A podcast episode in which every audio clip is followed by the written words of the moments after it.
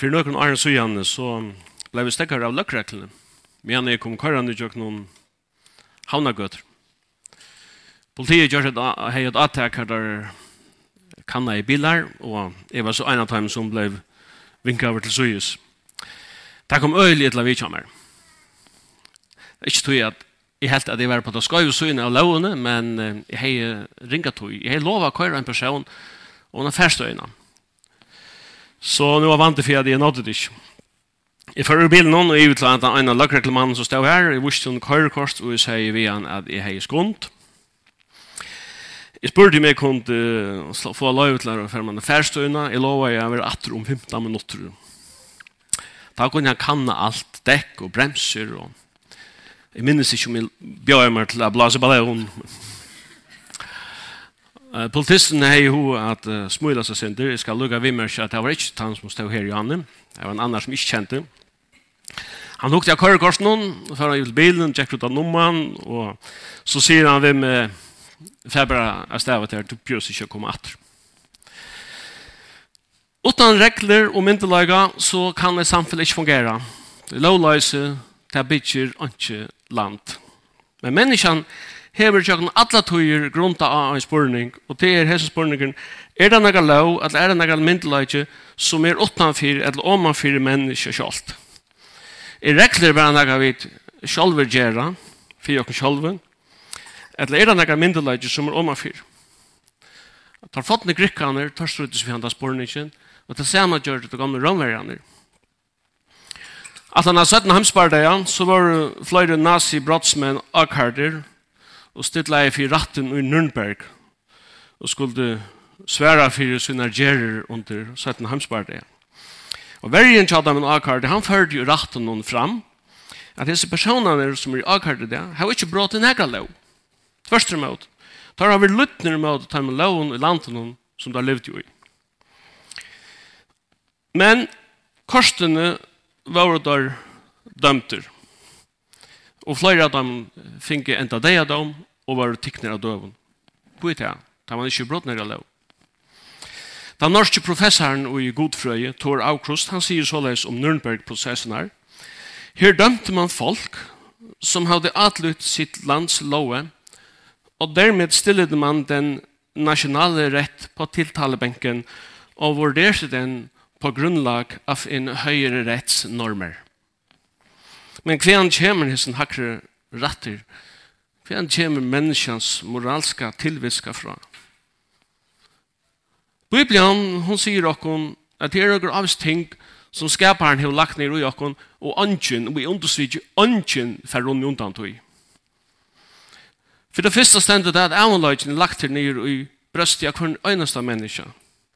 Og i Rombrand kapitel 2 stendet at lov samvinskenar er skriva og gjørstene av mennesken. Hatt er min forklaring på hver han hakre rattren eller myndelagen kommer fra.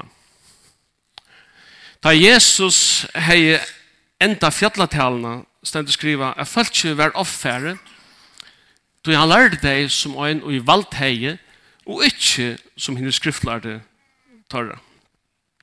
Myndelagen og i åren hans her han var i behøver til å takke feil av og öll asan av det. Han kom inn i hentan heim vi sannlagan og vi nøyene. Men han kom eisne vi en kraft og en myndlaga som hesen heimer omkantøy hei seg over. Og ta fekk mange spyrja, hvor er det som er over? Å lese om han er som at granska et landarmal.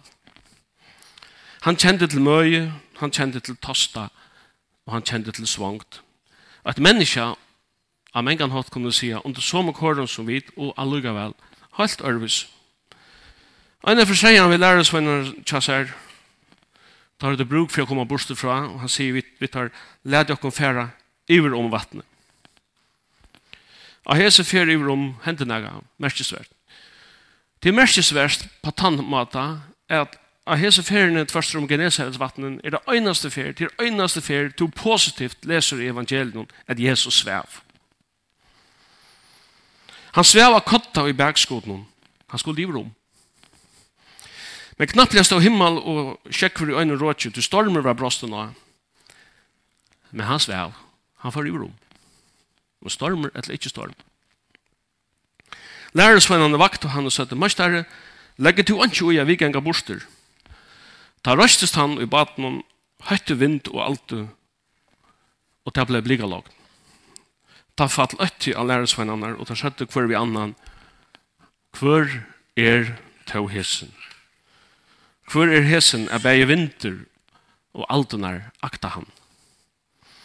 Ta einu løtna ligger han av kotta i bergskoden, og i neste løte stender han i baden, og temjer naturkreftene. Og salm og det sier så leis, «Ein så fyr tu stormen banst, så to enn han høyta kanst, Akta tema heve vilt, ta til sier tiver stilt. Ra og ontur navn tvitt er, Jesus Herre, låsur ver. Det var myndelagen, og kraften og åren hans her, og jeg fikk lære sånn at undrast og spyrja, hvor er han? Ta i tøyr og stå Jesus er nærmast til tøyr kunne spyrja, hvor er han? Så er ikke løye at de mennesker som stå lengt bortere, ikke visste hvor han var, eller sette samme spørning.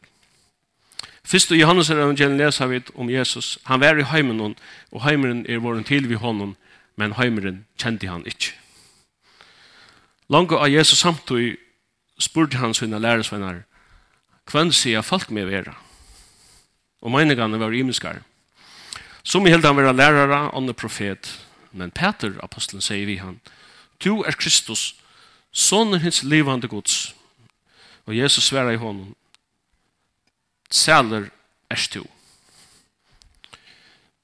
Det finnes ingen sæla som er større for en menneske enn her finnes en åpenbering av at Jesus Kristus, Sonegods og frelser heimsins. Ongan tog i søvende hever åshemjan om henda mannen ver større enn hon er i det. Høvendren at bautjen, du kjente bautjen, The Jesus I Never Knew, han sier i inngrensjonen at han for å skriva bautjena For han kanna hvordan nekva bøker var skriva her, som hver syneleie rundt å komme vi sin egen utgave om hvor Jesus var. Han sier, tala var om tusentals og tusentals bøker som rundt at løysa gatene hvor hins søvelige Jesus var. Og middel der mange bøkene finner du nekvar Jesus utgaver. Det er bøker som beskriver han revolusjonerer Jesus, den politiska Jesus, den andaliga løyeren. Tja muslimen er Jesus, en større profeter, faktisk den største profeteren, tja alla, hvis man ser bort fra Mohammed. Jo, det er mange som har et bo på hvor Nazarearen var. Og nå 25 gav Daniel Georg Brandes ut bøtjene saknet om Jesus. Her sier han med landet at Jesus som menneske har formodentlig aldri eksisteret. Samme sjåner vi finner du i russiske leksikon fra kommunistatøyen. Men til er fa i det som tår å fasthalda så ekstrema påstander som å sier at mævren er fra Nasaret omgang de hever eksistera. Det er helt anfalt, ikke tidlig seriøst. Men menneskjans løytan etter en svære er et ekko av tog som lærer som han spurte ta han stille i stormen av vattnet hvor er hesen. År hans herre var ikke bare år, men til kraft. Og kraften i navnet hans herre, hun er ikke vikna. Hun virkar i ødlen heimen og øysene i det. Nødja testamentet, som opprunnelig er skriva av griskon, hever flere år for kraft og for, og for myndelag. Årene kratos, dynamis Og eksosia er år som av imens kan hatt, lysa og vinkla myndeløyga Jesus er. Ein myndeløyge, eller ein ratter som ein personer hever, vi er ofta lust i årene eksosia. Men ta myndeløygen just aktiv, en aktiv kraft, så brukar Nudja Testamentet ofta året dynamisk. Og bæg i årene finner vi det vi har sett i samband med Jesu gjerning. Han kom til sitt egna, men hans egna tog ikke møte honom. Men så mange som tog i møte honom, Taimon gav han mått, exosia, det vil si, han gav Taimon rattende, etla heimelt til å være godsbøten, Taimon og i trykva av navn hans herre. Men bådskapen om Jesus er ikke bare en, en passiv myndeløyde, men til øyne en virksom, en aktiv kraft.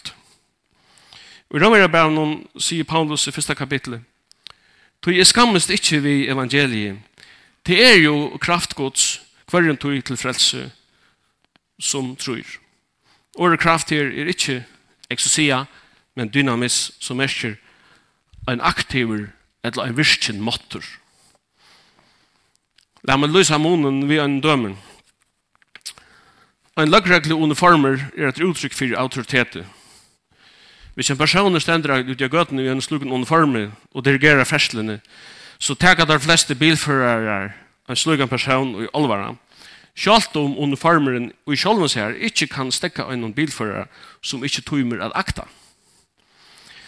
Uniformeren er en passiver myndeløyke, en eksosia.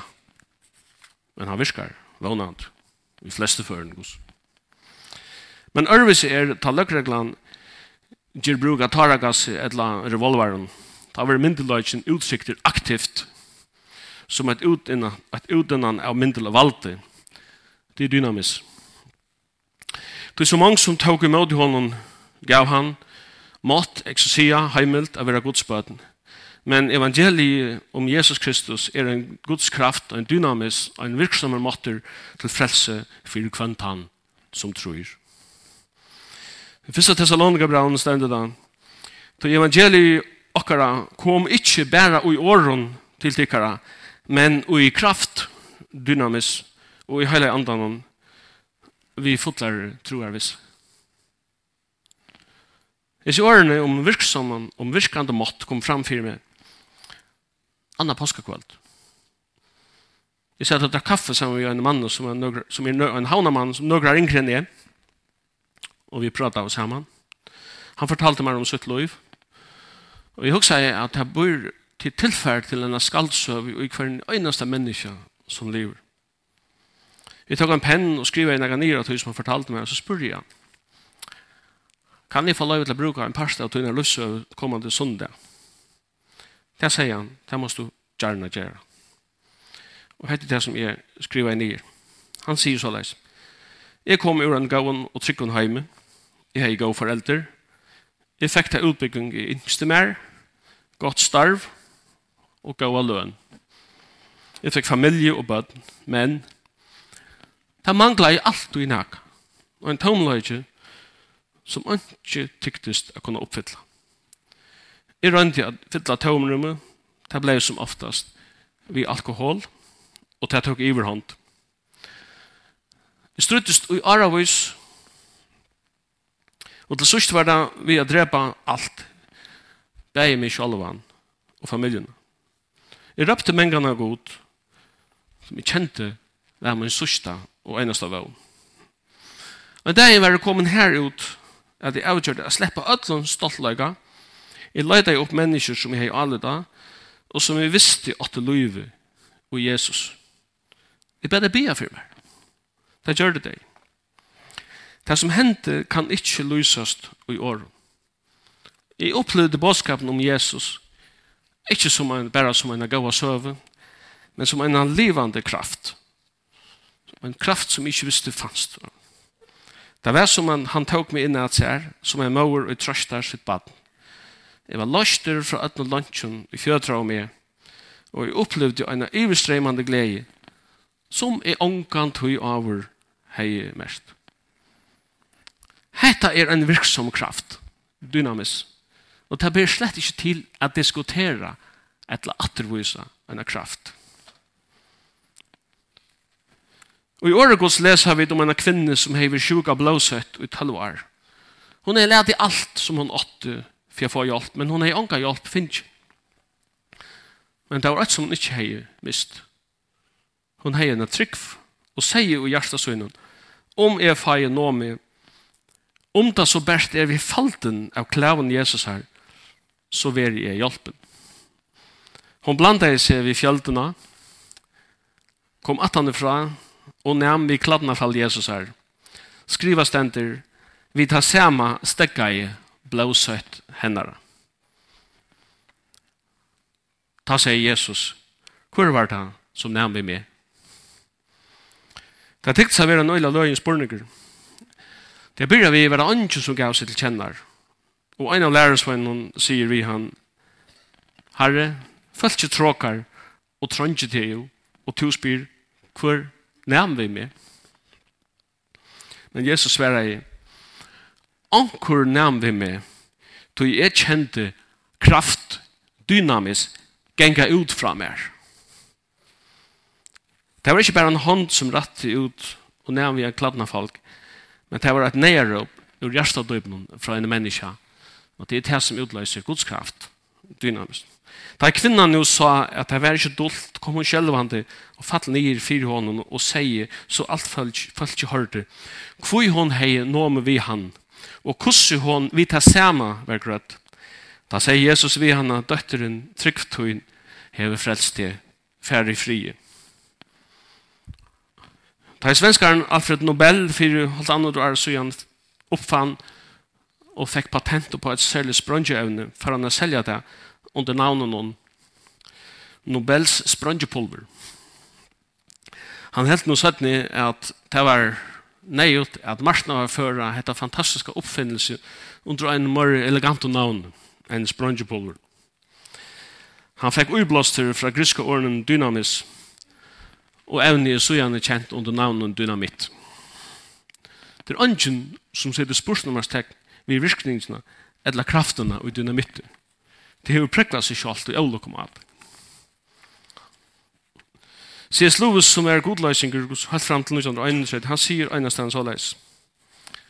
Skal man døme om hvor Jesus vær, så hever du i verlagan ikke så øyne jeg var møllager at velge middelen. Då i årene som kommer av hans herra munne, de var av slukens slä, at her er nesten ikke å velge. Lewis sier, da et menneske teker så sterk år i munnen som hettan til dømes, er er oppreisningen og løyve. Han som tror av meg skal leva om han så dør, og hvert han er lever og tror av meg skal i alle ræver ikke dødja.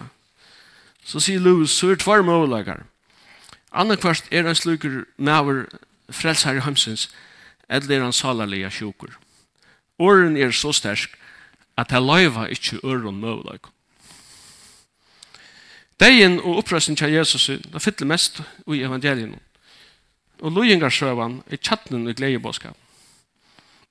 Stilla var i for de romerska landshøvdingene Pontius Pilatus spyr landshøvdingen Jesus hva han kommer til. Og da Jesus ikke gav henne svær, sier Pilatus vi han, Tåsa du ikke vimmi, vars du ikke at jeg har valgt at jeg var til leisen, og jeg har valgt at krossfesta til. Og han brukar året exosia, som er en myndeløyt, akkurat som uniformeren. Vars du ikke at jeg har valgt. Jesus sverar i honom, du hei ikke exosia, eller valgt, haft iver mer, vært ikke givet her, om han fra. Ein for myndeløyge som menneske hever er avmarskaver til tøy og til sted. Pilatus dømte Jesus til deian. Og en romersker hermauer fikk avbyrdene av at avratta Guds egna son. Han har helst oppfattet oppgavene som en avgrøsespurning. Men det standa noen mørkesverdt år om hendan romerska høvesmannen som heita militære avbyrdene av Golgata. Det var om satta tøyman, ta var myrskur om alt landet, lukka til nudjunda tøyman, til solen myrsnei. jo templen og skradnei om etter myene, og Jesus røpte vi herrer at feir og hender tøyner, gjev i andamoin. Da han hette sagt andaist hans, andaist han. Bant framan fyrir han stå romerskju høvesmjavren, en Øy var en kynisker og brutale blå bøyel som ikke visste nega tegjen til samkjensel. Men just i hesar løtene stendet da at ta i høsmæren sa til i hente gav han gode dord og sier sannelig vær hese maur sånne gods. Hesen romerske høsmæren Sett det ikke spørsmålstegn som som engan gjør hver er hesen, men det som han sier være størst utropstegn, sannelig er hesen med over sånne gods. Tar mange spørningene vi sier i samband med Løyv Jesus her, hver er hesen, være her i deiastunden avløst via nær stafesting, fra til romerska, fra hesen høytningen noen, fra bøylen noen, sannelig er hesen med vår sånne gods.